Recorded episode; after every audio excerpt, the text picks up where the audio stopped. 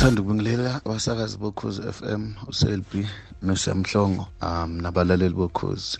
Igama lami ngoWiseman Dlamini okuhlala ngihlala ePretoria but originally ngiphuma eKZN. Um ngingasho ngaba ne-disability ngisasemncane kakhulu. I-disability yami ipolio. Ipolio it affects one of your limbs or it can be like izinyawo kanjalo. So mangoba ngithi kunepolio nje ngichaza ukuthi unyawo lami laka-right alusebenzi kahle especially ama-muscle lukhona but luyamuva but alusebenzi kahle so uze ngihambe ngisebenzisa ama-crutches ipolio i think ngingasho ngithi ekhaya or back then bebengenalo ulwazi about i-vaccine leyakhona but manje seyikhona so that's that's why that's how i got affected kuze kube nepolio enyaweni laka-right um ngingasho ukuthi ngikhule nomndeni obunginakekela kakhulu and futhi ubungenandaba ukuthi ngine-disability mina nje bengithithwa njengezinye iy'ngane bengenaso i-special treatment ukuthi oh ngoba nawe ukhubazekile kumele simphathe ngale ndlela. Bengishawa njengezinye ingane ngingenankinga mangigangile nje ithi besitetela nje sibhacukise sonke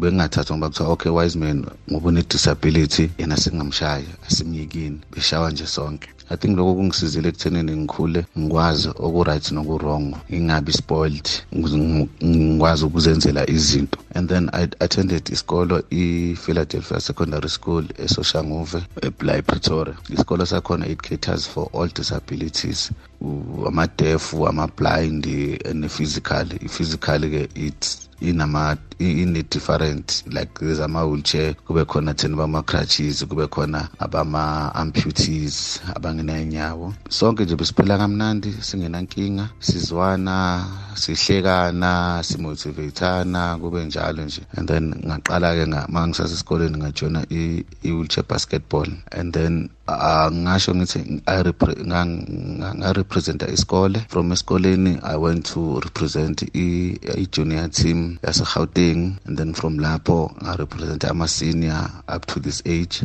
I also represented some of the teams amaqembu ala epretoria and joburg which is ipumas i-eagles wolverines at the moment ngasho ngithi sengidlalele i-eagles. Besides ukudlala ngiphinde futhi ngibe like kwi-coach coaching where um engikufundile nengikufundisiwe. Nami ngiyakuthatha ngikubuyisela ey'nganeni ezine-disability ezisancane. For instance ngingasho ngithi i'm coaching ama-under 19 awey'kolo kuma-schools games and i'm also part of i-development around i-gauteng where uh, sifundisa abantu abasha abafuna ukwazi ngebasketball. Nalabo abaqeda kuthola ama-accident ebesey'ngozini zemoto uthola ukuthi umuntu usene-disability. We try and assist ukuthi there's life nge-disability ungathi mose ukhubazekile or mhlawumbe ugenqeni imoto ogenqeni isithuthuthu usuyibona usuhlule kunaye abanye abantu so siyakuthatha sikufundise konke nje lokho ukuze nawe uyibone ubalulekile emphakathini or part of the family. Ngoba ngasho ngithi thina as i-disability siphila njengomndeni siyathandana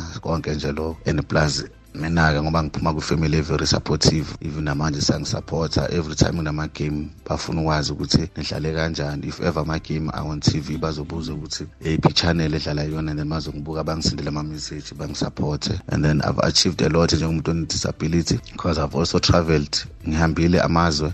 Last year bengise-thailand ngihamba ne-national team. I was a team manager yakhona. Ngihambile ngayo e-thailand sadlula kudubai. Futhi kusazoqhubeka kube mnandi nje like ngoba ngisho ngithi umuntu disability akumele uyibekele uyibukele phansi or uyicele phansi. Qhubeka nje ngempilo uyitshela ukuthi whatever engikufunayo ngizokuthola. Nemindeni enabantu abane-disability bengicela ukuthi musani ukubavalela ezindlini bayekeni baphile impilo yabo nibasekele. Ayikho into esihlulayo ungaba noma yini empilweni as long as uwazi ukuthi uyayifuna. Like it doesn't mean ukuthi une-disability ukuthi angeke ukwazi ukwenza okunye okunye nokunye. You can do anything ofuna ukuyenza. Ngizothanda ukubonga ukhozi f m ngokunginikeza lolu thuba lokuthi ngikwazi ukukhuluma nge-disability. Ngiyabonga.